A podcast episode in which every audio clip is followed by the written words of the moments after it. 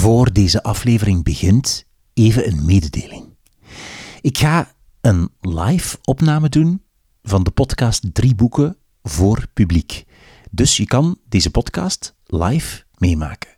Mijn gast in de opname is schrijver en monument Stefan Hertmans. De datum, noteer, nee, mag, hè, is donderdag 16 maart om 8 uur s avonds. En de plek waar we dat gaan doen, is wellicht een van de meest uitzonderlijke, iconische boekenplekken in Vlaanderen, namelijk de Belvedere, de bovenste verdieping van de Boekentoren in Gent. Een ticket voor die opname kost 15 euro.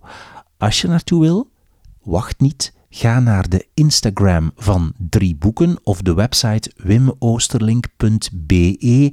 Daar vind je een link voor info. Je kan enkel tickets bestellen via de link die je daar vindt. Oké, dus drie boeken live in de Boekentoren in Gent op donderdag 16 maart.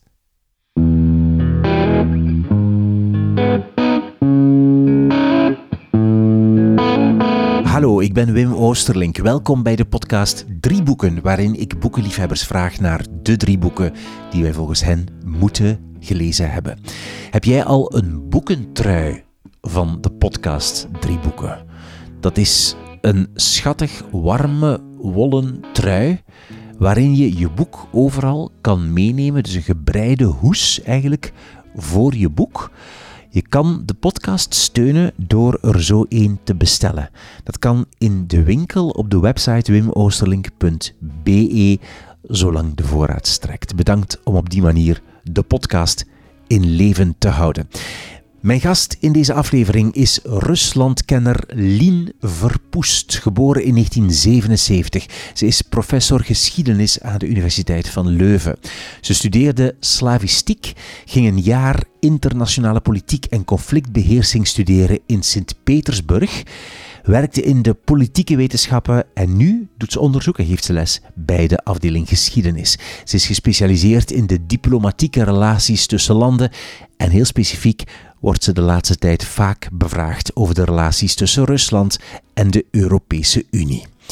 We gingen bij haar thuis in Blanden, deelgemeente van Oud-Heverlee bij Leuven, aan tafel zitten om over haar drie boeken te praten. Ik zag al meteen een klein blauw boekje in het Russisch liggen. Ze stak de poes in de tuin en begon te vertellen over haar Oekraïense collega die plots een vergadering moest missen omdat hij aan het vechten was aan het front. Over haar lezende moeder en haar lezende kinderen. Over de extra boekenmuur die vol boeken staat op haar werk, wat naar mijn mening uh, fundamenteel oneerlijk is. Zo'n extra plek, enfin, vind ik. Um, en het gaat over haar studies in Sint-Petersburg. Ah ja, en ze vertelt dat ze net een conferentie had met Russische collega's over erfgoed op de Krim toen Rusland Oekraïne binnenviel. Op dat moment. Een awkward moment in haar carrière. Alle boeken en auteurs die je hoort in deze aflevering staan zoals steeds in een lijstje op de website wimoosterlink.be met telkens een link om het boek te bestellen als je dat zou willen. De show notes bij deze aflevering zijn dat met foto's erbij trouwens. En dan nu veel luisterplezier met de drie boeken die je moet gelezen hebben volgens Lien Verpoest. Dus we hebben een project lopen hè, rond erfgoedonderzoek, uh, erfgoed in Oekraïne en de vernietiging van erfgoed in Oekraïne. En dus hoe gaat zo'n project? Je uh, organiseert uh, een aantal workshops en op basis daarvan schrijf je dan samen een boek over dat thema. En dus er was een, een duo van onderzoekers, we hadden een online conferentie en die, gingen, die hadden eigenlijk onderzoek gedaan over museumbeleid in de Krim. dus eigenlijk sinds de annexatie, die hadden heel wat veldwerk gedaan. Maar ja, dat zijn Oekraïnse onderzoekers die natuurlijk nu in die oorlogssituatie uh, terecht zijn gekomen. Die waren ook... Eigenlijk hadden wij onze conferentie in april gepland, maar iedereen was onbereikbaar, gevlucht, uh, opgeroepen, wat dan ook. En dus hebben we dat in oktober gedaan. En dus een van die twee die dat onderzoek hadden gedaan, was afwezig. En dus de andere uh, prof zei op de presentatie, dus een vrouw, die zei, mijn collega... Um, zit aan het front, hè, dus kan niet mee presenteren, zit aan het front en was eigenlijk aan het vechten op de plek waar hij de voorbije vijf, zes jaar onderzoek vooral had gedaan. Hè. Dus, uh, dus eigenlijk zijn, zijn onderzoeksveld is, is een frontlinie geworden. Dus ja, ik vond dat ook, dat was echt dat kwam zo hard binnen, want ja, je werkt samen met, met die Oekraïnse collega's, je weet wel, hè, heel vaak zeggen ze ook van, we hebben, ze hebben heel weinig stroom, dus ze moeten al hun mails op drie uur tijd doen en dan valt hun internet weer weg. Um, of alles op hun telefoon doen. Maar zoiets van, uh, hij is aan het front, aan het vechten, ja, dan de relativiteit van uw eigen onderzoek wordt dan wel wordt heel groot, laat ons maar zeggen. Ja. Vertel eens jouw werk, wat doe jij van werk? Wel, ik ben uh, academica, hè, dus ik uh, geef les aan de KU Leuven en ik doe daar ook onderzoek. Mijn opleiding, ik heb eigenlijk slavistiek gestudeerd, dus dat is Slavische talen en culturen, dus dat is veel um, Russisch en Pools leren, maar ook heel veel over literatuur, geschiedenis, politiek. Dan heb ik um, een jaartje internationale politiek bijgestudeerd. Vooral met het idee, wat ga ik later doen? Hè? Qua beroepsuitwegen dacht ik van, het is misschien handig om toch nog een extra diploma... Om een job te vinden. Inderdaad. En dan ben ik naar, dat, ben ik in Zweden gaan doen. Maar dan ben ik daarna, hebben ze mij terug naar Leuven gehaald omdat ik mijn thesis had geschreven over de relatie tussen Rusland en Europa. Eigenlijk historisch, uh, de vroege 19e eeuw. En er, kwam toen een project over Rusland-EU-relaties. En dan heb ik bij politieke wetenschappen daarop gedoctoreerd. En dan ben ik prof geworden in, uh, uh, aan de faculteit Letteren. En dus daar werk ik nu uh, binnen de opleiding geschiedenis. En geef ik ja, vakken Russische geschiedenis, Oost-Europese geschiedenis en uh, ook diplomatieke geschiedenis. Dus eigenlijk al die Oost-West contacten zijn mij blijven boeien. Laat ons maar Achtervolgen, dacht ik dat je zeggen. nee, boeien. boeien. uh, en ja. je, hebt net een, uh, je zei net, ik heb net een sabbatical en volgende week begin je weer les te geven. Volgende week begin ik weer, maar dus ik heb het eerste semester, voor het eerst in, denk 15 jaar, geen les gegeven. Dus aan de KU Leuven kan je dat vier semesters in je hele carrière doen. Dat je een lesvrij semester hebt. De bedoeling is dat je dan je helemaal toelegt op onderzoek. Wat ik ook heb gedaan. Mm. Dus dan heb ik, uh, kan je echt eens in de archieven duiken. Uh, en uh, ja, beginnen nadenken over een, een, een nieuw boekproject. Dus en is het een goede sabbatical geweest? Is het goed, was het vruchtbaar? Ja, ja, zeer vruchtbaar. Ja, ik vond het heel leuk. Het is echt zo een beetje even stilstaan en even pas op de plaats en terugkijken wat heb ik allemaal gedaan en scherp stellen wat wil ik nog doen. Hè. Um, ik ben aan, een, aan een, een boekproject begonnen eigenlijk twee boekprojecten. Eén, um, een, een, geschiedenis van Oost-Europa. Ik geef geschiedenis van Rusland, maar door de, door de oorlog heb ik ook zoiets van, ja, dat is eigenlijk in de geschiedenis van Rusland komen Oekraïne en Wit-Rusland bijvoorbeeld ook aan bod. Maar die hebben eigenlijk hun eigen geschiedenis, die niet, hè, die is pas sinds de 17e eeuw echt heel sterk met Rusland verbonden, daarvoor veel minder. Dat wil ik ook meer opentrekken. Maar dan moet ik een nieuwe cursus schrijven, dus, uh, of een nieuw boek. Dus daar ben ik aan begonnen. En dan een tweede um, is echt een soort van, hoe zeg je dat, een pet project. Um, ik ben aan een biografie begonnen over een vergeten Belgische intellectuele, Marie-Caroline Murray, die in de, in de 18e eeuw leefde. Die een goede vriendin was van de bekende Belgische Prins de Ligne. En dus um, ja, eigenlijk, die toen bekend stond als La Muse Belgique, die veel gepubliceerd heeft, die echt toen, al ja, een, een, grote naam was en die volledig, zoals dat vaak gebeurt, uh, tussen de plooien van de geschiedenis verdwenen is. Hè. En, uh, maar die ik in mijn onderzoek eigenlijk overal tegenkom, want ze heeft in Brussel gewoond, ze is lang in Den Haag geweest, in Wenen. Dat zijn echt de, de plaatsen waar ik veel in de archieven zit en ik kom haar naam overal tegen. En op een bepaald moment dat ik zoiets van, misschien moet ik toch eens uh, deze persoon terug uh, uh, in het intellectuele landschap plaatsen. Ja, dus daar ben ik aan Fascinerend. meer over Prins de Linie in de, deze podcastaflevering, de podcastaflevering met um, Rick van Kouwelaert, die jij ook goed kent door, door Prins de Linie, door ja, het hele verhaal. Ja, dus, allebei een gemeenschappelijke voorliefde voor, voor. Prins de Linie en zijn ontzettend goede ja, uh, memoires ja. en uh, wat hij nog allemaal uh, neergeschreven heeft. Oké, okay, maar binnenkort dus ook allee, de, de, link met de, de... Zeg je eens de naam van de vrouw? Sorry, ik ben haar vergeten. Marie-Caroline Murray. Oké, okay, Marie-Caroline Murray. Um, jij was... we gaan direct naar jou, jouw drie boeken kijken. Ze liggen al klaar. Jij leest Russisch, hè? toch? Ja. Ja, oké. Van schrik, van wat schrik. Dus, nee. Eh, nog, even, nog even vragen. Jij was, als ik het goed heb, omdat je zegt van je, je bestudeert ehm, de geschiedenis hè, van, van, on- van eh, Oost-Europa onder meer. Ehm, jij was het, de, het erfgoed op de Krim aan het bestuderen of zoiets toen de oorlog uitbrak. Hoe, was dat precies? Hoe ging dat? Wel, na de annexatie van de Krim in 2014 Ja. las ik eens een artikeltje in de krant wat mij enorm frappeerde. En dat was ehm, eh, over het Skitische goud van de Krim. Eh, dus de Skieten was een oud ruitervolk die prachtige edelsmeedwerk maakte. En er was een tentoonstelling in Amsterdam over dat Skitisch goud van de Krim. En ineens wordt de Krim in 2014 geannexeerd. En dus de grote vraag rijst, van wie is dat goud? Rusland zegt, eh, dat is van ons, terug naar Moskou. Kiev zegt, ehm, dat is van de Krim. En Krim is van ons, terug naar... En dus dat is een enorme zaak geworden. En dat heeft mij toen doen nadenken van... ehm, erfgoed kan ehm, ongewenst zijn, hè, zoals de Lenin-standbeelden die omvergehaald of neergehaald zijn, maar kan ook iets, een, een bron van verder conflict hè, als twee landen erfgoed claimen. En zo zijn wij een project beginnen schrijven en zijn wij met onderzoek begonnen, ehm, dat uiteindelijk pas echt van start is gegaan eh, in 2021. En we hadden onze eerste conferentie op 23 en 24 februari 2022. Toen Rusland Oekraïne is binnengevallen. Dus wij hadden eigenlijk het plan, hè, we waren samengekomen met eh Oekraïnse academici, er waren ook mensen uit eh, Estland en Praag bij, een aantal Russen ook, die al lang in het buitenland wonen wel.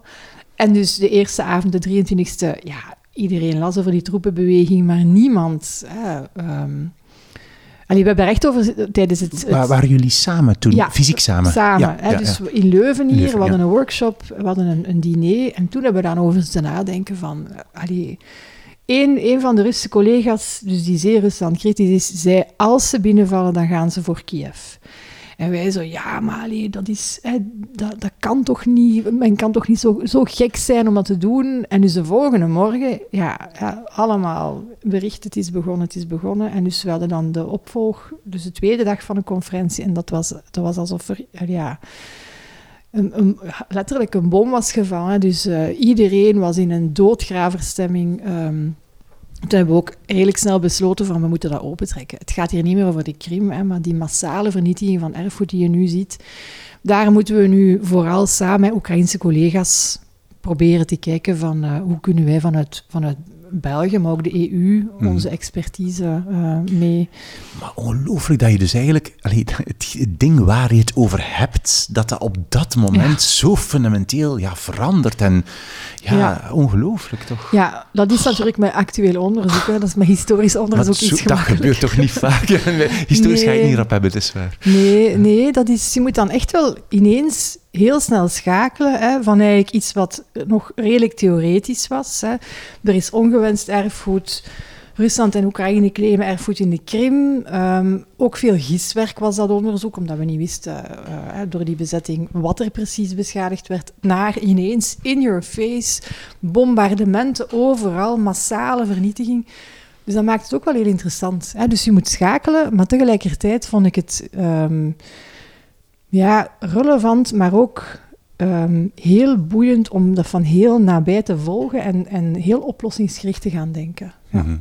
Oké, we gaan eens kijken naar de drie boeken die je Ja, gekozen hebt, waarvoor ik gekomen ben. Mhm. Ehm, ze liggen hier. Welk boek is jouw eerste boek? Mijn eerste boek is eigenlijk, ehm, het is eigenlijk een, een trilogie, maar ik heb de, de eerste ervan liggen. Ehm, A Time of Gifts van Patrick Lee Firmer. Ehm, Het is een, een relatief onbekende schrijver, denk ik. Ken, ik ken het niet. Ja, ja ik Hem niet. hem ook niet tot drie, vier jaar geleden. Dat ik eens een, een, een recensie las van, van dit, en eigenlijk vind ik dit nog het beste, eh, zijn brieven. Hè. Alive in Letters, Patrick Lee Firmer. Dat is eh, in 2016 verschenen. En ehm, zoals dat gaat, waarschijnlijk bij jou is dat ook zo, als je een, een boek van een auteur leest dat je echt fantastisch vindt, dan ga je alles lezen en dan ga je ook alles gaan zoeken. Een beetje een probleem, omdat hij onbekend is. Dus ik ben overal, vooral in antiquariaten en zo, Oh, ben ik al zijn... eh, Oh, ja, ja, ja. ja, dus dat zijn onder andere ehm, zijn boeken, daar liggen er nog een paar meer. Ehm, Patrick Lee Firmer is, is eh, een hij wordt vaak een, een travel writer genoemd, een reisboekenschrijver, maar daar had hij zelf een hekel aan. Hij is een achttal jaar geleden overleden. Hij is 96 of zo geworden. Ehm, waarom vind ik zijn, zijn boeken ehm, en zijn trilogie, maar ook zijn brieven zo goed? Omdat het een, um, een uh, enorm levenslustige man was. Een levensgenieter, iemand met een zeer brede blik. Uh, en eigenlijk een combinatie van een zeer erudite man, ontzettend belezen enerzijds, maar anderzijds ook iemand die ja, uh, enorm hield van overal uh, te komen, al reizende, maar ook van het goede leven. Dus hij had eigenlijk friends in high places. Dus hij kende, hij kende alle groten van zijn tijd en correspondeerde daar ook mee. Daarom zijn zijn brieven zo interessant. En dus, um, allee, een, een, ontzettend boeiende uh, persoon. Ik ben zelf iemand, ik, um, ik weet niet waarom, maar ik ben eigenlijk op een bepaald moment bijna gestopt met fictie te lezen. Ja, dus ik lees heel veel non-fictie. Mm -hmm. Ik heb nu wel een paar uh, fictieboeken uh, gekozen, maar ik lees heel veel brieven en memoires. Voor je werk vooral? Voor dan. mijn ja, werk ook, hè, dus heel veel diplomatieke memoires ja. en zo ook.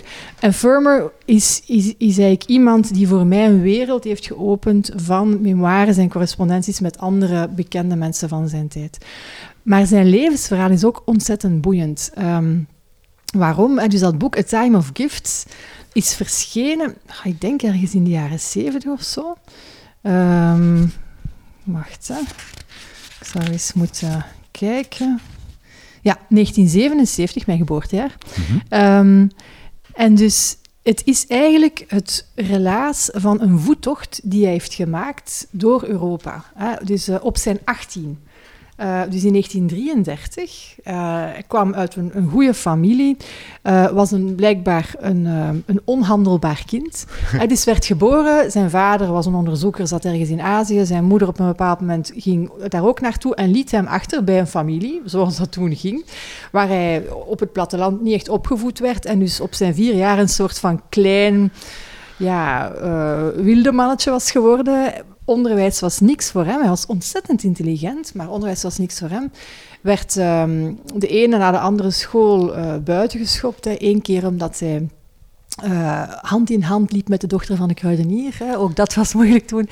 Besluit op zijn 18, eh, moest naar het leger, moest naar de Sandhurst, een, een uh, prestigieuze militaire academie. Besloot Hmm, misschien moet ik dat toch niet doen. En misschien moet ik, geïnspireerd door uh, een aantal uh, 19e-eeuwse schrijvers, een voettocht maken door Europa. En hij trekt eigenlijk van de hoek van Holland, dit is het eerste boek, en hier zie je de kaart, maakt hij een voettocht um, met als eindbestemming voor, was Constantinopel. He, dus Istanbul, maar hij noemde het nog steeds uh, ja, okay. Constantinopel. Dat was zijn grote... Uh, in 1933. En dus wandelt, zoals je ziet, het eerste boek is een relaas van zijn wandeling door Duitsland en dan Zwitserland, uh, Oostenrijk... Um, en dan uh, Hongarije, later trekt hij ook door Roemenië, Moldavië en dan Griekenland en zo. In de volgende delen dan? In de ja. volgende delen. Maar wat is zo interessant? Hij heeft ja, er, er, zijn zeer, veel zaken interessant. De stijl. Hè. Hij, hij, is de man, hij, allee, hij leeft en ademt de natuur. Hè. Hij ziet dat ook. Hij kan dat fantastisch beschrijven. Um, hij is ook iemand, hè, dus hij, besloot, ik ga, of ik nu um, bij her, in een herdershut slaap, of onder de open hemel, of um, bij mensen, dan maakt mij eigenlijk niet uit. Maar hij leerde, hij, heeft, hij had zoveel charme, hij leerde eigenlijk al heel snel um, altijd uh, de juiste mensen kennen. Op een bepaald moment in Duitsland al komt hij terecht bij een adellijke familie. En dus dit is natuurlijk 1933, dus echt, uh, laten we zeggen, de de, de nadagen van um, Oostenrijk-Hongarije en uh, allee, de implosie, laat ons maar zeggen. Hè, dus de, de aal die daar allemaal zit, die dan uh, met de komst van het communisme helemaal weggeveegd wordt. En dus die adellijke familie geeft hem een, een brief en zegt, ah, maar je trekt naar daar, ik ken daar, her, weet ik veel wie. En dus uh, eigenlijk heel zijn reis... Mm-hmm. Um, heeft hij geloofsbrieven voor de hoge adel, die allemaal enorm gecharmeerd zijn van de bijzonder erudite Lee Firmer. Hij liep ook, uh, hij, had al, hij had een, um, eh, de gedichten van Horatius. Dat was zijn enige boek dat hij mee had. Hij liep de hele tijd, die gedichten kennen allemaal uit zijn hoofd. En dus zo reist hij, uh, leert dan ook in uh, Roemenië een prachtige Moldavische prinses kennen, hè, waar hij van hoge adel, Balasha Cantacuzijn, waar hij dus ook een paar jaar nog blijft hangen op haar landgoed en zo. Dus fantastisch leven. Maar het leuke vind ik, hij schrijft het allemaal 40 jaar later. Um, want hij had het veel te druk met leven en zich amuseren en reizen en drinken en feesten. En dus hij heeft enorm veel moeite. En ik vind dat zelf, allee, uh, ik weet niet wat jij schrijft, maar als academicus is dat een van je kerntaken. Schrijven is niet zo gemakkelijk. Hè? En dus um, hij had enorm veel moeite om iets op papier te krijgen. Zijn brieven zijn parels. Brieven schreef hij à volonté. Hè. Hij leeft natuurlijk ook in de pre-e-mail-periode. Uh, um, maar zijn, uh, zijn boek, dus het was bedoeld als een trilogie. Um, zijn eerste boek is in 1977 verschenen. Zijn tweede, uh, Between the Woods and the Water, is in 1986 verschenen. En zijn derde heeft hij nooit afgekregen. En hij is 96 geworden. Dus hij deed er erg lang over. en ik vind dat zelf... Allee, ik, weet, ik, was, ik heb op een bepaald moment... Um, er is ook een biografie over hem geschreven. Ik heb met zijn biograaf eens gecorrespondeerd en ik zei... Ik vind dat zo herkenbaar. Hè? Allee, niet dat ik zo traag schrijf, verre van. Maar zo in, in zijn brieven komt dat ook alleen naar zijn uitgever. Hè. Elke keer is dat opnieuw, sorry. Het moeilijke, het moeizame. ik heb mijn deadline weer niet gehaald. En, uh, en dus zijn biografen zei ook van ja, dat was op het einde wel een molensteen rond zijn nek. Hè. En dat laatste boek, zijn laatste deel heeft hij niet afgekregen. Uh, dat deprimeerde hem ook. Maar dus zij heeft het dan afgewerkt. Het is ah, wel gepubliceerd. Okay. Uh, maar dat had ook te maken met zijn perfectionisme. Is, allee, en wat hij dan schrijft is echt allee, is van zo'n niveau omdat daar, er is zo aan gesleuteld. En, um, maar ja, hij zei zelf vaak van... Um, hij werd op een bepaald moment in een Franse krant uh, de slak van de Karpaten genoemd, hè, omdat hij zo traag... L'escargot des Carpates. Omdat hij zo traag, uh, aan zo'n traag tempo uh, publiceerde over die regio. Maar uh, het was, hij zei soms, ja, het leven. Hè? Hij heeft, uh, stond mij in de weg. Hij, hij bouwde met zijn um, levenspartner uh, Joan heeft hij een, een, prachtig huis gebouwd in Griekenland, waar hij de rest van, want hij was ook een oorlogsheld. Hij heeft tijdens hij heeft een Duitse generaal gekidnapt um, toen hij voor de Britse geheime dienst werkte. Uh, in Griekenland, in Kreta. En dus heeft daar ook een prachtig huis gebouwd. Hij ontving daar mensen. Dus het was een levenskunstenaar. Um, en daarom vind ik hem zo'n boeiend figuur. Ja, en ben je zo, als je, als je dat vertelt, lijkt het alsof je jaloers is het woord niet, maar zo, dat je voelt van, ah, ik, ik, wil je, wou je ook zo zijn? Of, of, of zou je graag, wel, ben je zo? Ja, uh, nee, ja, ik reis ook heel graag. Wat ik, waar ik, allee, jaloers is, is niet het juiste woord, hm. maar waar ik wel met een gezonde afgunst naar kijk, is, die man beschrijft een, een vergeten uh, wereld, een verloren wereld. Hè. Dus dat is uh, in 1977 zit heel die regio die hij bezocht heeft en bereisd heeft, achter het ijzeren gordijn. En hij is eigenlijk iemand die fantastisch heeft kunnen vastleggen. Dus eigenlijk ja, de nadagen van de, um, de politieke elite en de adel in Hongarije, in Roemenië, in Moldavië, uh, toen die nog iets van betekenis waren. En daarna, dus zijn, zijn grote liefde, uh, die Moldavische uh, prinses Cantacuzijn, is... Um, uit haar landgoed verjaagd door de communisten. Hij heeft daar dan zoveel jaar later nog uh, opgezocht, een beetje in een duik, want buitenlanders, contact met buitenlanders was moeilijk. Zat ergens in een communistisch appartementje weggestopt. Um, en dus dat is een teloorgegane wereld. En die ik allee, ook puur vanuit mijn uh, onderzoek ontzettend boeiend vind. Hè, want dat is iets wat... Ja, dat, dat was een enorme... Um, zeker die, die bovenlaag, laat ons maar zeggen, was een zeer verwesterde elite. Um, zeer cosmopolitisch, zeer erudiet, zeer belezen. Maar die zijn natuurlijk weggevaagd door het communisme. Hè. En, dus, um, en daarom vind ik het zo boeiend. Hij wou zijn boek eigenlijk Parallax noemen. Hoe? Parallax. Parallax. En dat is een, een term die eigenlijk uh, ook in, in de fysica en zo bestaat. En die eigenlijk betekent um, dat uh, een een object, afhankelijk van het perspectief, er anders uit kan zien. En dus hij wou dat, maar zijn uitgever vond dat niet sexy genoeg. Hè. A time of Gifts bekt ook beter. Maar dus, dat is als metafoor. Hè, ehm, hij beschrijft eigenlijk uh, die wereld, hè, dat, die, die, periode, uit een ander perspectief 40 jaar later. Hè. Dus, en, en, dat vond hij, en dat vind ik een zeer interessant principe. Hoe kijk je naar iets, uh, of hoe beschrijf je iets dat al verdwenen is? Ja. Dat vind ik een zeer... Uh... Ik denk dat het ook moeilijk is dat, dat het niet het schrijven vergemakkelijkt als het al 40 jaar geleden is, ja. eerlijk gezegd. Ja, en daar had hij ook heel veel moeite ah, in, inderdaad. Ja, als je natuurlijk uh... gewoon opschrijft de dag nadien, denk ik dat dat vlotter is. Ja, en het straffen is eigenlijk, hij had, hield wel een dagboek bij. Ah, Van zijn eerste, um, denk maand Um, zijn rugzak is op een bepaald moment na een dronken nacht in een herberg uh, gestolen of verdwenen, weet ik veel. In elk geval was hij zijn dagboek kwijt, maar voor de rest heeft hij wel aantekeningen bijgehouden. Maar dus um, voor zijn tweede boek, waar hij dus ook heel lang aan heeft gewerkt, um, was hij een aantal aantekeningen kwijt. En dus zijn Moldavische uh, prinses, hè, die hij op een bepaald moment in dat communistisch flatje gaat bezoeken, zegt, ik heb hier nog iets voor u, ik heb het bijgehouden. En dat was zijn dagboek. En dat was dus, ja, laten we zeggen, het ontbrekende puzzelstuk.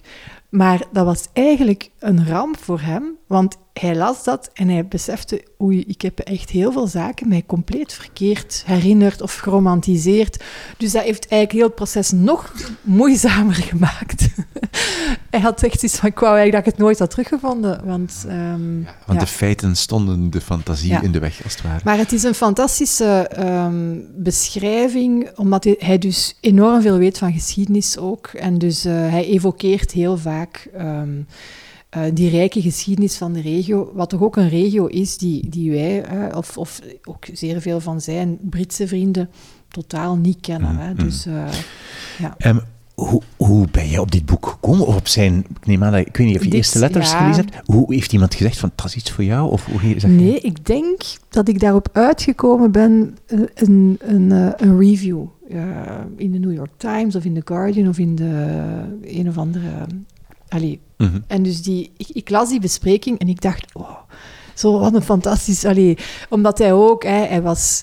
Um, hij was zelf een grote fan van Lord Byron, de vroege, vroeg 19e-eeuwse dichter. Dat, en dat is ook zo'n figuur die tot de verbeelding spreekt. Hè. En ik had het over Pranzeline, dat is ook zo iemand. En ik vind dat zowel bij mannen als vrouwen... Ja, hoe zeggen ze dat? Hè? Um, de waarheid of de realiteit overtreft de fictie. Dat is iets. Er zijn zoveel mensen die ontzettend boeiend hebben geleefd.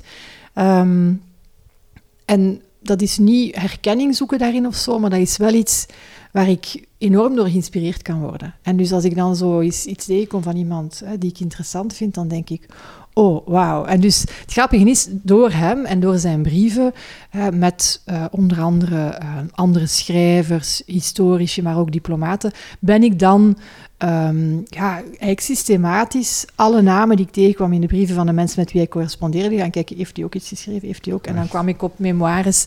Hier bijvoorbeeld, een van zijn beste vriendinnen was een vrouw, hoe heette ze? Daphne Fielding is nog met de van Bout getrouwd geweest. Um, is daarna ook heel de wereld gaan afreizen. En dus die heeft ook memoires geschreven. En hier zo'n heel grappige... is de beste openingszin van een memoire ooit.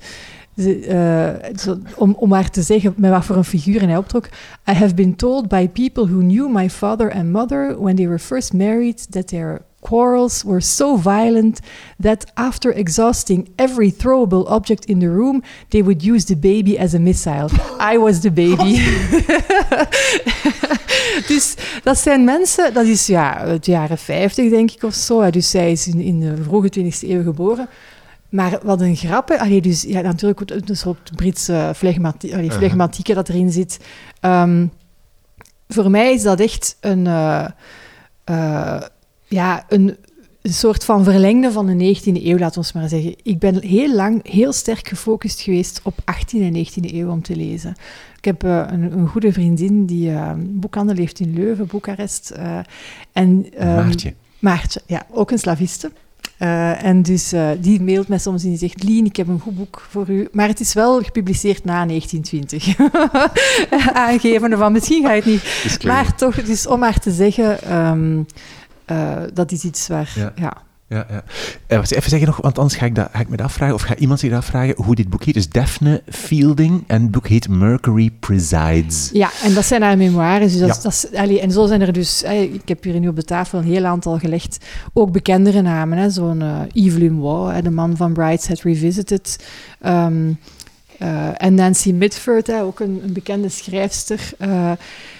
Dat waren ook allemaal vrienden van hem. En dus die, ja, dat zijn allemaal mensen die, net zoals Firmer, zeer erudiet zijn, maar ook eigenlijk hun, zichzelf niet te serieus nemen. Dus totaal niet hoogdravend. Allee, je lacht je vaak een breuk. En dat vind ik zo'n leuke combinatie. Allee, Ik neem mezelf ook echt absoluut niet serieus. dus misschien daarmee. Okay. Uh, je zei ik heb dus de, de brieven, de letters gelezen van hem. Um, A Time of Gifts is het boek dat je gekozen hebt. Je bent op zoek gegaan naar alles wat er nog te vinden was. Hoe heb je dat gedaan? Heb je dat online gedaan? Ben je in de slechte gaan kijken? Ben je in de wereld online? Hoe, heb je dat gedaan, concreet? Um, wel, dus er zijn recent een paar uh, van zijn... Er is een biografie gepubliceerd, uh, brieven en zo. Die bestel ik dan gewoon via, via de boekhandel. Um, maar dan zijn er dus een aantal van zijn boeken die niet meer uitgegeven zijn. Er is ook heel weinig van zijn werk vertaald. Hè. Dus die trilogie is wel vertaald. Um, maar dus ik ben dan vooral gaan zoeken... Um, antiquarisch, hè, dus uh, online. Er, er bestaan een aantal websites waar je de meest zeldzame boeken kan vinden. Echt voor een appel en een ei. En ook al die andere boeken. Hè. Dus uh, ja. ik kom hem, allee, omdat het echt een, een Britse schrijver is. In Engeland is hij heel bekend, hier veel minder. In, in de boekantiquariaten, gewoon hier in Brussel of zo, kom ik hem nooit tegen. Nee. Nooit. Zeg, als je zegt van, ik heb dus hè, brieven gelezen, bij elke brief gekeken van, is er iemand anders die ook interessant is, die, die vernoemd wordt, of uit wie hij schrijft, en daar dan ook boeken van beginnen kopen, verzorgt dat niet voor een enorme explosie van het aantal boeken in huis? Ja, dit klopt. ja, ja, ja, want dus ik... Um, en, vooral ook die, omdat die antiquarische boeken, dat is dan vaak zo... Ah, dit is een boek van 1950. Oh, is maar echt... Niemand leest dat nog. Allee, ja, niet, dus dat is dan zo 5 euro of zo ja, dan moet ik ook dan. En dan komen er inderdaad, um, en zeker omdat ze uit Engeland komen, en dus nu sinds de brexit moet je vaak uh, importkosten betalen. Dus vaak is dat nog eens een onaangename verrassing. Exact. ja, dus we hebben hier in huis, hè, we hebben zo her en der hebben we boekenkasten staan Vooraan staan er nog twee en dan ook nog één met mijn werkboeken. Maar op mijn bureau, en dat is wel het, uh, het goede, um, aan de faculteit heb ik een hele grote boekenwand en is al mijn werkgerelateerde boeken staan daar. Ah, dus op, op het werk eigenlijk, op, op de universiteit. Ja. ja. En, en ik heb dan boven, um, in onze slaapkamer, heb ik een bank staan en daar staan zo mijn aller, aller favorietste boeken. Dat is echt touche daar mag dat, niemand uh, mag daar aan, allee, mag daar wel aankomen, maar die, die moeten daar. Allee, dus zo, die heb ik het liefst dicht bij Ah ja. ja. Ja, ah, ja oké. En ja. zo'n bank, wat is het dan? Is het dan gewoon een, een, een lage boekenkast? Nee, gewoon een, een, echt gewoon een bank waar ik boeken op gestapeld heb. Op, erop, ja, ja, ja, okay, ja, Dus, en lig je dan dicht bij jou om ze altijd te kunnen nemen voor je gaat slapen, zo? Of, ja. Uh, ja. En doe je dat ook, of is dat gewoon Ja, ik lees echt heel graag. Ja. En, en dus uh, voor ik ga slapen, maar ook... Ik vind dat soms ook uh, niet eenvoudig. Hè? Uh, net zoals iedereen waarschijnlijk. Druk leven, druk werk, hè? kinderen. Um, je moet echt tijd nemen om u neer te zetten en een boek te lezen. Hè. En er is vaak drukte rondom, maar ik, ik blijf dat wel doen. Um, ik, ik las nu onlangs een column over dat, dat podcasts het boekenlezen vervangt, omdat mensen dingen kunnen doen hè, terwijl ze naar een podcast luisteren, terwijl je leest. Je moet zitten en lezen hè, en er is precies steeds minder tijd voor. Uh, ik merk dat bij mezelf ook, hoor, dat ik echt ja, mijzelf vaak zeg van oké, okay, ik wil eigenlijk nu tijd en rust nemen om, uh, om te lezen. En niet alleen voor ik ga slapen, maar ook gewoon, ja, allee. Dus ik heb, ik heb op een bepaald moment besloten, ik moet waarschijnlijk duizend andere dingen doen, maar nu ga ik schaamteloos hier een uur te lezen. Niemand stoort mij. En de kinderen weten dan ook dat ze echt niet tegen mij moeten spreken. Maar dat is de enige manier, toch? Anders lukt ja. het niet, anders ja. ben je direct weg. Ja. Um, Oké, okay. en dus ik zag, kwam binnen en daar stond, daar stond ook stonden één of twee grote boekenkasten toch ook? En wat zit daar dan in? Um, dus ik heb één boekenkast met, um, ja, werkboeken ook wel. Ja. Een klein boek, als je binnenkomt, is er eigenlijk naast mijn bureau, ehm, die ingenomen wordt door mijn dochter het grootste deel van de tijd, daar staan werkboeken. Dus die ik echt gewoon nodig heb, allemaal over Oost-Europa of eh, diplomatieke handboeken of ja, wat dan ook. En dan ehm, staan daar voor de rest één kast is eigenlijk met allerlei literatuur die we door de jaren heen gekocht hebben. En een andere, daar is te veel Russen in. Ehm, dus, allee, Russische boeken, Russische literatuur. Ehm, en dan heb ik hier staan eigenlijk ook, ja, eh, dus in, in de kamer achteraan, staan wat boekenkastjes waar ik, boeken die ik ook veel gebruik, die ik veel ter hand neem. Degene die erop liggen zijn meestal boeken die ik nog aan het lezen ben. Ehm, en dan heb ik, ik, ja, ik heb ook geen systeem of zo. Dat is soms wel lastig, want de boeken ook overal in huis staan. Ik ben niet zo van, er moet één bibliotheekkamer zijn of zo. Ben ik vaak aan het vloeken aan het denken, waar heb ik dit gelegd? Ik vind het ook wel heel oneerlijk dat je dus echt gewoon nog op je werk, gewoon ook daar ook nog een hele boekenkast met boeken kan, kan, kan weg. Allee, Ja. alsof, alsof je die en dat is hier niet hebt. enorme... Ja, Dat ja. is echt zeer oneerlijk. Begrijp je hoe one- oneerlijk dat is naar ons gewone mensen? Ik begrijp het. Het enige, allee, ik wil niet klagen, het enige is, als ik dan hier thuis aan het werken en aan het schrijven ben, denk ik, verdomme, dat ligt op mijn kantoor. Goed. Jouw eerste boek was A Time of Gifts van Patrick Lee Firmer. Wat is jouw tweede boek? Ik ga even van mijn thee drinken. De kat was daarnet gigantisch aan het miauwen, net zoals je voorspeld had, maar vanuit de garage dan. Maar die wil binnen eigenlijk gewoon. Ja, maar die heeft zich nu denk ik gelegd. En is Ja, ze heeft zich het heeft opgegeven. Ja, ja, die gaat... Die... Was hem nu weer bezig? Nee, Nee, het is hij zal in slaap zijn. Ja, waarschijnlijk. Oké, wat is jouw tweede boek? Ja, mijn tweede boek is ehm, een roman. Ehm, en die heet in het Nederlands Obsessie. In het Engels de volledige titel is Possession, a Romance van de Britse schrijfster E.S. Byatt. Die ondertussen ook al eh, ver in de tachtig is. E.S. Byatt is een van mijn favorietste schrijvers, laat ons maar zeggen. Ehm, is ook iemand die niet ontzettend veel heeft geschreven, maar toch wel met, al ja, met, met een, een gemak. Hè, ehm, Gemakkelijker dan onze vriend eh, Dan Firmer. Ehm, en is één, als ik zo moet denken van, ik zei daarnet dat ik weinig fictie lees nog, maar als ik denk van romans die ik heb gelezen die mij echt bijgebleven zijn, buiten de Russen natuurlijk, dan is Byatt, vind ik, echt een uitzonderlijk talent. Ze is ook niet heel erg bekend. Kende jij haar waarschijnlijk misschien Ik heb wel? de naam wel gehoord, ja, Ja. maar ik heb nog niet gelezen dit. Ehm, dit is haar bekendste boek. Mhm. Hè? Dus eh, Possession, A Romance is een boek. Heeft ook de, de Booker Prize gekregen in, in 1990. Hè? Dus het is ook al een eh, iets oudere boek. Maar het is een soort van literaire detectieve. En dus eh, je kan hem bijna niet wegleggen. Byatt, dat moet ik misschien ook bij zeggen, want daarom, allee, ik, ik ben haar beginnen lezen toen ik 18 was. Ehm, werkte zelf ehm, als literatuurwetenschapster, als prof ehm, aan de University College of London, denk ik. In elk geval aan een Britse universiteit. Heeft zelf ook veel geschreven, essays, literaire kritiek over Iris Murdoch, et cetera.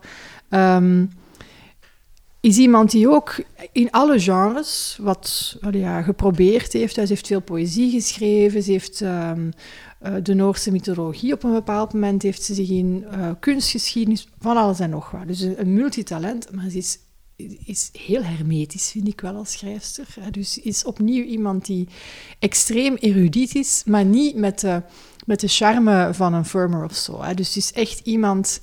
Het is een, een aanslag op uw hersenen, haar boeken. Maar dat is juist leuk, hè? dat maakt het juist leuk. En waarover gaat dit boek? En dus is echt, allee, ik raad het iedereen aan, want ik kan het gewoon niet wegleggen. Het is ook vertaald. Possession gaat eigenlijk over ehm, een academicus uh, die een doctoraat heeft geschreven, die echt allee, ja, een rotjob heeft in een archief, uh, die gespecialiseerd is in, uh, in één schrijver.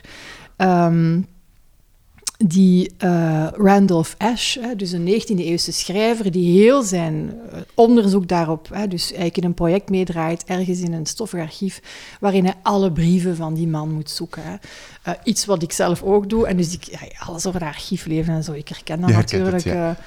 Maar op een bepaald moment ontdekt hij ineens in een boek een, een aantal brieven die Ash heeft geschreven aan, in de 19e eeuw aan een vrouw.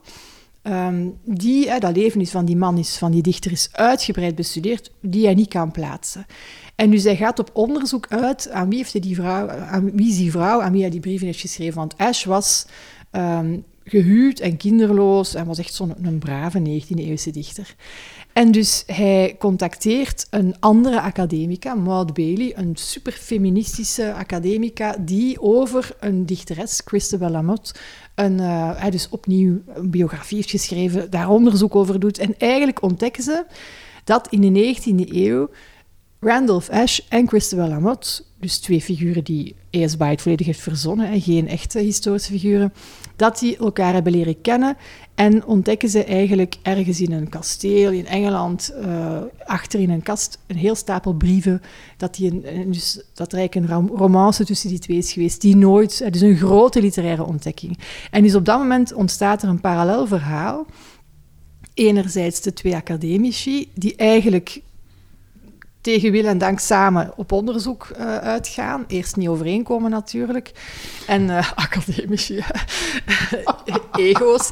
En, uh, en het zich toe-eigenen van onderzoek. En, en anderzijds dat 19e-eeuws verhaal, ah, waarbij E.S. Byatt dus ook alle poëzie die, zogezegd, die, die dichters hadden geschreven, allemaal zelf schrijft. Dus dat is een, een, ja, een tour de force, dat boek.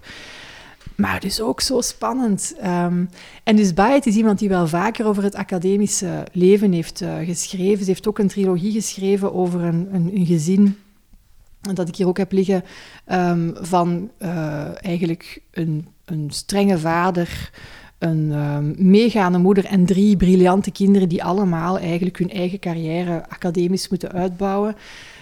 Eentje bezwijkt onmiddellijk onder de druk. Eentje wordt een heel bekende academica en eentje trouwt en het speelt zich af in de jaren 50 en ziet eigenlijk haar academische carrière, carrière aan zich voorbij gaan omwille van combinatie kinderen. En dat zijn allemaal zaken die ik allee, voor me ergens, ook voor mij als 18-jarige, wel herkenbaar waren. Hè. Ik ben zelf uh, ook opgegroeid in een academisch gezin. Uh, um, daar werd niet veel aan. Er was absoluut geen druk bij ons en er werd geen aandacht aan besteed. Maar er was wel zoiets van: je moet wel het, het beste uit jezelf halen. Zo, hè. En, uh, en dus ik vond als 18-jarige, haar boeken vond ik toen ook super inspirerend. Je hebt het toen al gelezen toen je 18 was. Dit ook. Niet, die ook. ja. En, en die anderen ook. Ja, ja. Um, want uh, ik herinner me nog dat ik, uh, ja, ik weet niet, onlangs kwam ik nog eens, ik was aan het bladeren in een, uh, wat aantekeningen uit die periode en dat ik echt schreef bij het, ik, kan, ik ga permanent naar de bibliotheek om maar andere boeken te halen, ik kan niet stoppen met haar te wow. lezen. Dus dat, en dus, maar ik heb het nu herlezen, hè, dus in, in aanloop naar dit gesprek, en ik dacht, verdomme, dat is toch ongelooflijk dat ik dat nu nog altijd op een andere manier heel boeiend vind. Ik heb ook wat, een... wat, heb je herlezen? Heb je Possession of... of Allemaal alle... heb ik, ja, ja in de kerstvakantie dacht ik, ga een keer... Uh, oh, ja. Nu ben ik weer... en nu ben je aan het bladeren in Still Life, heet dit ja, boek. en dus dat is um, een van, de, van die boeken uit de trilogie. Hè, dus uh, over die familie... Um, eigenlijk de... Uh, Frederica Potter is een van de... Um, uh, kinderen, Stephanie en Marcus, hè, dus die allemaal eigenlijk uh, in de jaren 50 in een zeer intellectuele familie opgroeien, maar dus heel anders omgaan met, met die. Mm -hmm. En dus hier was een citaat, dus um, de, de, Stephanie trouwt, hè, krijgt kinderen, wordt enorm onder druk gezet om een huismoeder te zijn, maar was zelf eigenlijk daarvoor. Uh, ja, iemand die enorm bezig was met, met literatuur. En vindt ze op een bepaald moment um, uh, toch nog de tijd om eventjes naar de uh, Cambridge University Library te gaan. Om echt zo een uurtje, terwijl er iemand op haar baby past, uh, te gaan zich verdiepen. En ze bladert in, um, in, in, in wat boeken en ze schrijft... Wacht, wat schrijft ze? Dus uh, ze is aan het nadenken en, en ze, ze denkt: Knowledge has its own sensuous pleasure, its own fierce well-being. Like good sex, like a day in bright sun on a hot empty beach. En ik vond dat zo grappig dat je zegt: Knowledge is zoals good sex. Dat is dus typisch bias, want dat is echt hele droge, erudite uh, literatuur. Hè. Ik, vind dat wel leuk. Een boek dat u, dat u echt ook uitdaagt en dat... Um, waar je van de helft van denkt, uh, hier weet ik helemaal niks van, ik moet extra gaan opzoeken, dat, dat vind ik het grootste cadeau. Hè. Um, voor mij moet een, een, boek zeker geen feest van herkenbaarheid zijn, maar allee, uh, ja, ik wil daar precies uit leren. Of, Echt intellectuele ja. uitdaging. En dus ja. bij haar boeken, dan voelt u nog zo groot op een bepaald moment. Maar daarna denk je, oh, hier heb ik echt... Allee, ja, je, je, je, ziet ook, je voelt ook je, je wereld verbreden door zo'n ja. zo'n boek. Je zei daar straks ook van, um, je begon te zeggen van um, dat je um, het herlezen hebt en dat jouw jouw gezichtspunt of zo, dat, jou, hoe dat je het zag, dat dat veranderd was. Hoe dan? Wel, omdat dus die trilogie van, van Bayet, maar ook wel haar boek, hè, dus uh, Possession, gaat eigenlijk over iemand die, die opgroeit. Hè, um, en dus in verschillende fasen van het leven wordt, wordt die beschreven. Um, en dan opgroeien eigenlijk in een academische context. En dus als 18-jarige las ik dat, ik was toen zelf, of ik was misschien 19, ik was net aan de universiteit aan het studeren, ik zat heel diep in, voor mijn, uh, van mijn kant was het dan in de Russische literatuur. En, um, en dus in die boeken wordt ook al beschreven hoe er iemand naar de universiteit gaat, hè, hoe ze daar mensen leert kennen, hoe ze zich moet staande houden. Um, uh, dus dat was toen heel herkenbaar. Maar nu lees ik dat en lees ik dan eerder over de combinatie van een gezin met toch nog onderzoek. Uh, en dat is iets waar ik ook natuurlijk enorm mee heb geworsteld. Hè. De, allez, zeker de voorbije tien jaar vond ik dat echt soms heel zwaar. Nu zijn mijn kinderen uh, gelanceerd, laten we het maar zeggen. Maar, en dus daarom is dat voor mij ook heel herkenbaar. Mm -hmm. Ja. ja. ja. Uh, opgegroeid in een academisch gezin, zeg je. Ik vraag altijd van, waren er veel boeken in huis als kind? Maar ja, dus je hebt, hebt dan altijd veel gelezen, of hoe is dat gegaan? Ja.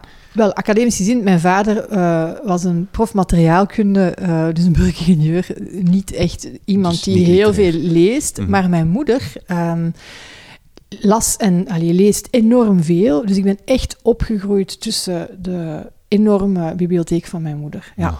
ja en dus, um, dus ik, allee, van het moment dat wij in middelbaar, laten we zeggen, echt met literatuur begonnen, kon ik in de boekenkast alles vinden. Het grappige is wel um, dat we een heel andere literaire smaak hebben. Ja, Zo? dus ja, mijn moeder, alle boeken die mijn moeder goed vindt, hè, bijvoorbeeld... Uh, weet ik veel, van Marguerite Jursenaar tot Marguerite Dura tot uh, Maurice Gilliams.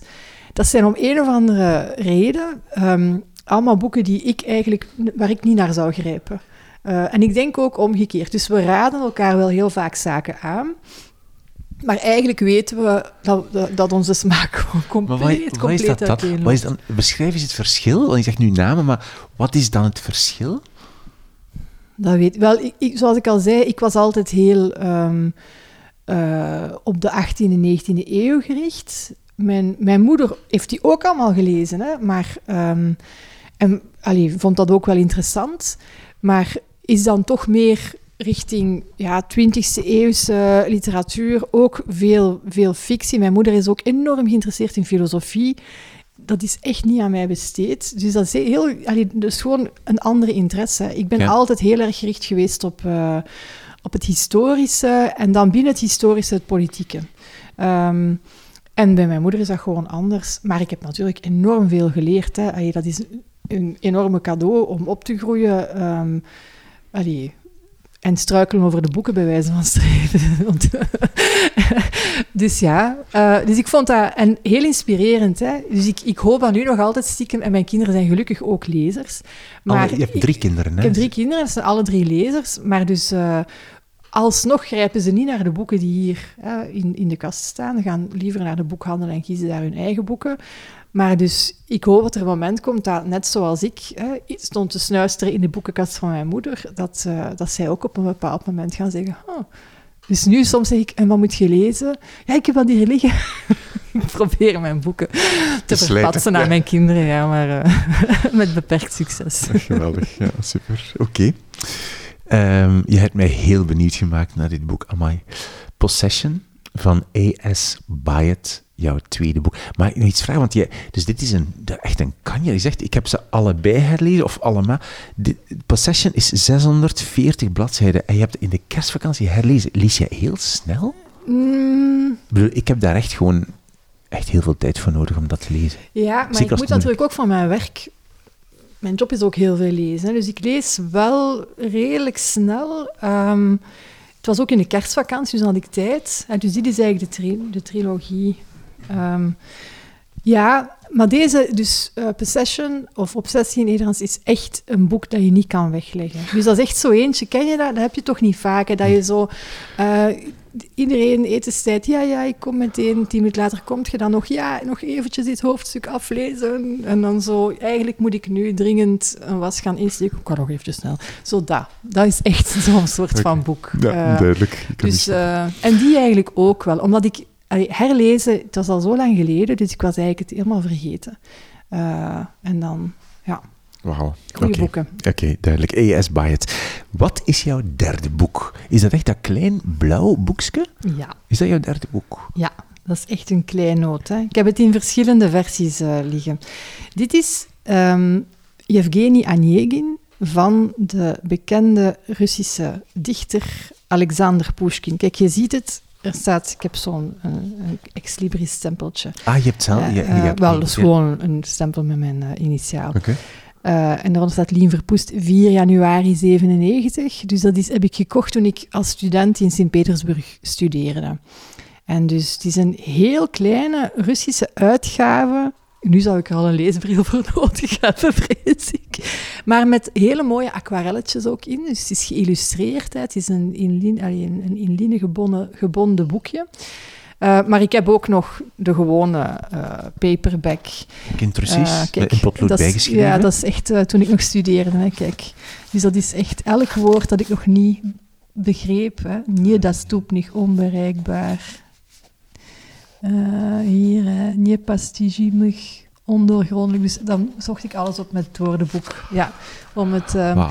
Maar dus Yevgeny Onegin ja. um, is een um, roman in verzen. Hè, zo wordt het ook door Pushkin zelf genoemd. Mm -hmm. het is het bekendste werk van uh, Alexander Pushkin. Alexander Pushkin wordt eigenlijk een beetje de Russ is de Russische dichter des vaderlands. Pushkin hier zie je een schilderij van hem. Leefde, hij is niet oud geworden, maar 38. Hij leefde tussen 1799 en 1837. Was ook bekend omdat hij Afrikaans bloed had. Zijn overgrootvader of grootvader werd vaak de. Um, um, dus werd onder Peter de Grote eigenlijk uit Afrika als oorspronkelijk als slaaf hè, um, aan Peter de Grote cadeau gedaan. Zo gaat het verhaal. Maar was eigenlijk iemand, hij heette uh, Hannibal, Gannibal in het is iemand die eigenlijk een hoge functie heeft bereikt. En dus Pushkin was van, van adel. Um, is iemand die op een kantelmoment in de, laten we zeggen, Russische literatuurgeschiedenis mee aan de basis uh, staat van de gouden eeuw van de Russische literatuur en vooral de Russische poëzie. En Yevgeny Onegin is, vind ik persoonlijk, zijn meesterwerk, um, waarin hij dus eigenlijk een beetje naar zijn grote voorbeeld, uh, Lord Byron, Um, die dat ook heeft gedaan hè, met uh, onder andere uh, Don Juan, een, een verhaal in verzen heeft geschreven.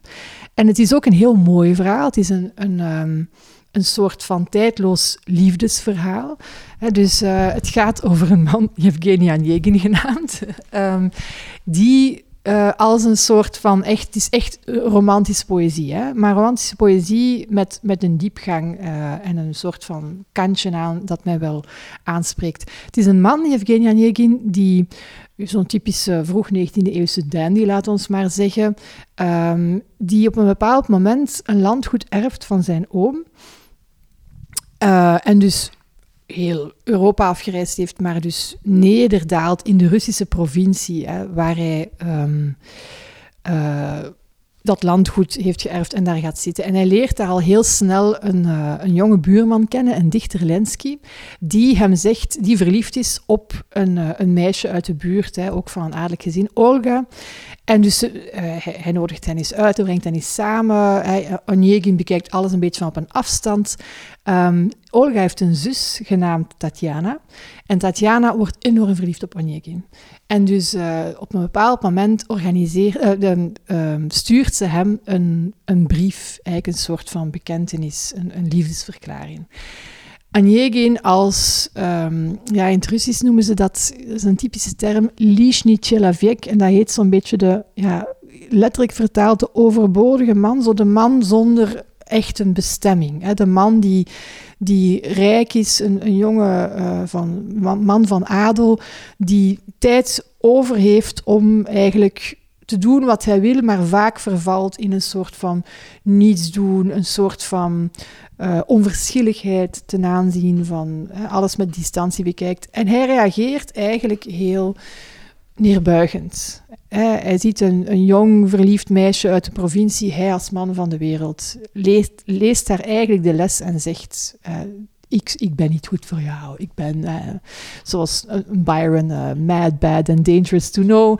Um, dus en met, bij, mij ben je niet goed. En ik raad je toch ook aan om wat terughoudender te zijn, want... Um, als je zo'n liefdesverklaringen doet hè, aan andere mannen, zou je misschien slechter van afkomen. Lang verhaal kort, wat gebeurt er? Um, zij is heel vernederd, heel droevig. Lenski nodigt Yevgeny uit op een bal. Um, waar hij Olga, de zus van Tatjana, ten huwelijk wil vragen. Um, Onegin wil Tatjana eigenlijk nog wat meer vernederen en flirt met Olga. Lensky wordt jaloers, um, daagt Onegin uit tot een duel. En tegen wil en dank schiet Lensky dood. Hè. En daarna vlucht, gaat de wereld rondreizen um, en komt drie jaar later in Moskou aan komt daar op een bal van de, laten we maar zeggen, de, de High Society, um, de bekendste, het bekendste koppel van Moskou. En tot zijn ontzetting ziet dat dat Tatjana is, die getrouwd is met een zeer um, hooggeplaatst figuur. En ineens is zij een vrouw van de wereld en krijgt hij spijt en wordt hij smoor verliefd op haar. En elk bal waar ze is, is zij nog een schim van zichzelf hunkerend naar haar. En um, op een bepaald moment schrijft hij haar een brief. Hè, want zij ja, houdt afstand en ze schrijft, uh, hij schrijft haar een brief met een, op zijn beurt een totale bekentenis. Um, zij reageert niet. dat is echt wel grappig eigenlijk. En dan op een bepaald moment kan hij zich niet meer inhouden. Het is natuurlijk, we spreken vroeg 19e eeuw, hè, de romantiek. En stormt op een bepaald moment binnen, uh, treft haar alleen, werpt zich aan haar voeten en zegt: Tatjana, Tatjana. En zij zegt, sorry, too little, too late. Daar komt het eigenlijk op neer. Ze zegt, ik hou nog wel van u, maar het is te laat.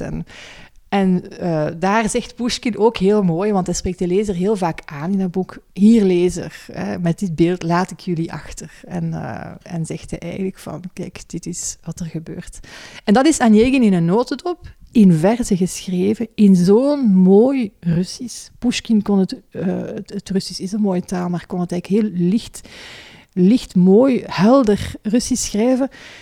En een tweede reden waarom ik het ook zo'n goed boek is, vind, is omdat je heel veel leert over wat Rusland is en waar Rusland voor staat. ik raad het nog altijd aan. Um, momenteel is er ook een, een opera, Yevgeny Onegin in Brussel. Ik heb een collega die een heel goed boek er ook over geschreven heeft, uh, Francis Maas, over uh, de opera en wat dat betekent. Um, ja, het is, Pushkin is iemand die heel goed de vinger op de wonden kan leggen. Hij is op een bepaald moment ook door de tsaar verbannen um, omdat hij te kritisch was over Rusland. Um, die heel goed zo dualen van Rusland. Hè. Enerzijds het zeer cosmopolitische verwesterde, Rusland kon beschrijven. Anderzijds ook het, um, het echte, uh, authentieke Rusland. Dat Russischer was dan de Russen. Hè. Dus het, het Moskou, Sint-Petersburg was heel verwesterd, Moskou was het oude Rusland. En hij voelt beide heel goed aan. Ja. Jij hebt het gekocht in Sint-Petersburg toen je daar uh, studeerde. Weet je nog waar? Was dat in een winkeltje? Of ja. hoe, hoe, was dat dan? Ja, dit boek heb ik gekocht in de... Um, je had in Sint-Petersburg um, de Doom Knigi, die bestaat nog steeds. En dat betekent het Huis der Boeken. Ehm, en daar kon je vroeger echt ja, de, de mooiste uitgaven kopen voor een appel en een ei. Hè. En als arme student was dat vaak nodig. Er stond ook meestal in, hier zal er waarschijnlijk ook wel staan, hoeveel het kostte. Uh, dit, ik weet niet of het. Dit is niet de, de. Normaal stond het, allee, was vaak nog door staatsdrukkerij en stond de prijs er nog in. Allee, dit heeft echt, ik weet niet, in, waarschijnlijk... Ah, kijk, hier staat het. Ze. Zie je het hier in het linnen? Vijf roebel ah, kostte het. Dus dat was toen, ik denk, um, ehm, 30 Belgische frank of zo. dus nu nog geen, geen euro. euro. Ja, ja, ja. En ah. dus um, dat was echt... Ik heb een... Uh, dat jaar heb ik een extra valies moeten kopen toen ik na een maand Sint-Petersburg terug, terugkeerde. Ja. Was, het, was dat een goede periode, studeren in Sint-Petersburg?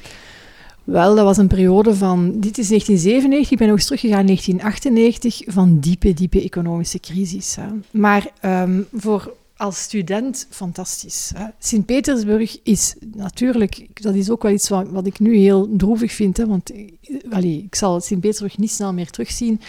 Maar ik heb daar echt mijn hart verloren. Het is een stad die uh, literatuur ademt. Hè. Um, Pushkin is er um, uh, ja, je kan zijn appartement nog bezoeken, is zelf trouwens ook in een duel omgekomen. Hè. Dus uh, zijn vrouw flirte met um, de zoon van de Nederlandse ambassadeur en hij heeft die man tot een uh, duel uitgedaagd en is zelf gestorven.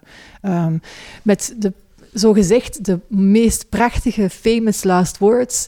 Want op een bepaald moment werd het duidelijk, hij is na een paar dagen um, dodelijk geraakt, overleden. En hij lag in zijn bibliotheek te sterven. En dus de dokter zei, misschien uh, moet je toch, je gaat naar je eind toe, moet je uh, toch je be beste vrienden uitnodigen en, om afscheid te nemen. En Pushkin keek rond in, naar zijn boeken in die bibliotheek en zei, niet nodig, vaarwel vrienden. naar zijn boeken. Ja, dat, ik weet dat ik dat las en ik dacht, oh. Ja. Um, maar dus, Dostoevsky is ook... Um, uh, je kan eigenlijk hele traject um, van schuld en boete, hè, wat Raskolnikov aflegt in, uh, na de moord um, op het oud vrouwtje, kan je eigenlijk helemaal reconstrueren aan, aan, de hand van zijn boek. Kan je, en dus wij zijn dat ook allemaal gaan bezoeken, maar ook het oude. Er was nog een tijd dat er heel veel kon, er was nog niks gerenoveerd of gerestaureerd, dus alles was zeer bouwvallig. Maar wij konden nog met onze docent Russisch, die nam ons dan mee naar het, uh, het oude appartement van Dostoevsky. En dat konden we allemaal bekijken. En, ja, echt fantastisch. Uh. Je, je zei net van, uh, ik zal Sint-Petersburg niet rap meer terugzien.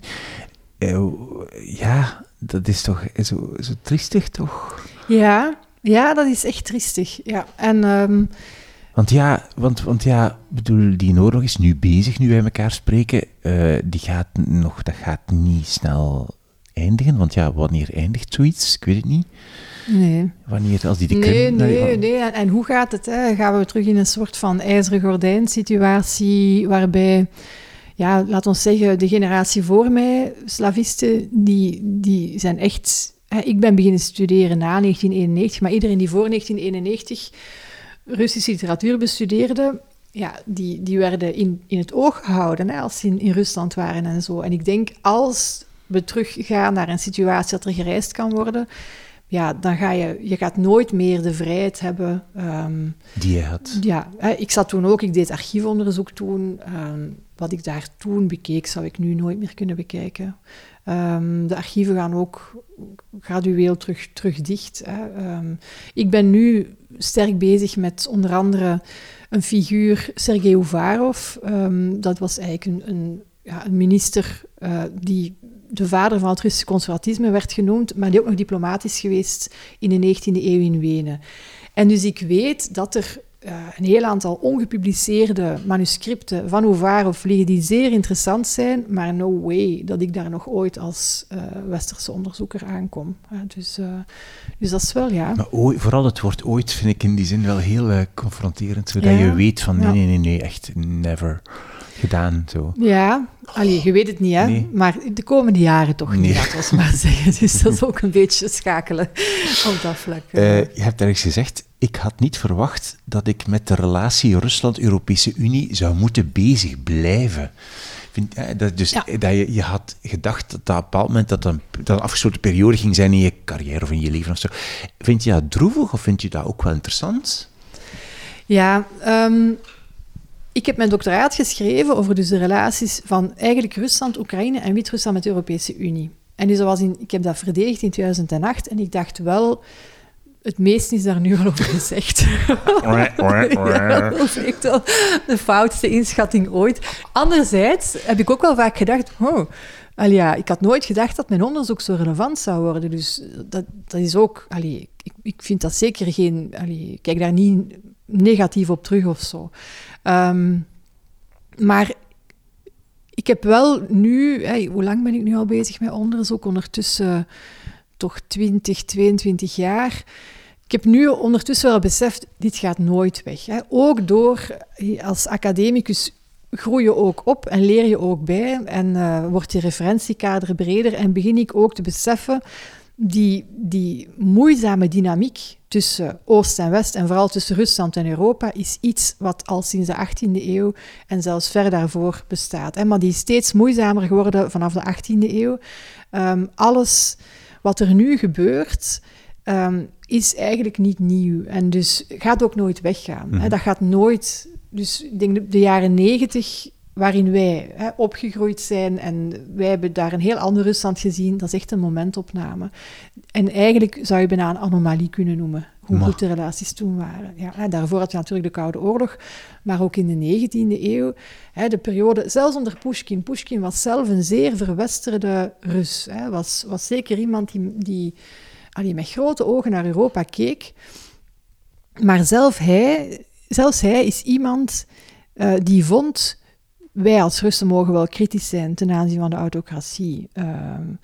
Uh, wij mogen daar wel kanttekening bij zetten, maar het Westen mag dat niet. Dus snap je, er is altijd een zekere trots geweest um, die voor een spanning heeft gezorgd. Uh, Rusland heeft zich heel vaak onbegrepen gevoeld door het Westen, ook heel vaak vernederd gevoeld door het Westen. En dus die retoriek die er in de 19e eeuw op bepaalde momenten, hè, bijvoorbeeld na de Krimoorlog in het midden van de 19e eeuw, die vernederingsretoriek was toen zeer groot. Um, dat komt nu wel terug. En daar wordt ook actief naar verwezen natuurlijk. Hè. Geschiedenis, en dat, is ook iets wat ik altijd heb gezien. Um, geschiedenis speelt een zeer grote rol in, in de Russische maatschappij. Veel meer als bij ons. Uh, ja. Pushkin um, is op dit moment ook weer een soort um, discussiepunt in Oekraïne dan, over ja, om, om, of die moet geëerd worden of niet, begrijp ja. ik. Ja. Ja, er is een monumentoorlog gaande in, uh, in Oekraïne. En Pushkin wordt daar ook slachtoffer van, laat ons maar zeggen. Hij is zo belangrijk voor de Russische literatuur dat er eigenlijk overal standbeelden van hem werden gezet. Hè, natuurlijk in de eerste plaats in, in Rusland, maar je ziet toch ook dat um, er voor, voor Pushkin, zelfs tot in Rome bijvoorbeeld, hè, wordt ook vaak uh, als, als geschenk aan een ander land door een ambassadeur een, een buste of een standbeeld van Pushkin gegeven. En dus er staan ook een aantal in Oekraïne. En nu wordt dat wel een doorn in het oog, hè, onder andere omdat Pushkin zich over um, ja, een bepaalde. Uh, dus Mazepa, dat was een, een Oekraïnse kozak, die op een bepaald moment. Um, uh, zeer anti-Russisch was. Hè. En Putin, uh, Putin, Pushkin heeft zich daar heel negatief over uitgelaten. En dat wordt nu door de Oekraïners toch wel gezien als, als zijnde ja, anti-Oekraïns. En daarom is, rijst de vraag, wat, wat doen we met die buste van Pushkin? Ja. Uh, dit is geen Oekraïns figuur, dit is echt ja, de...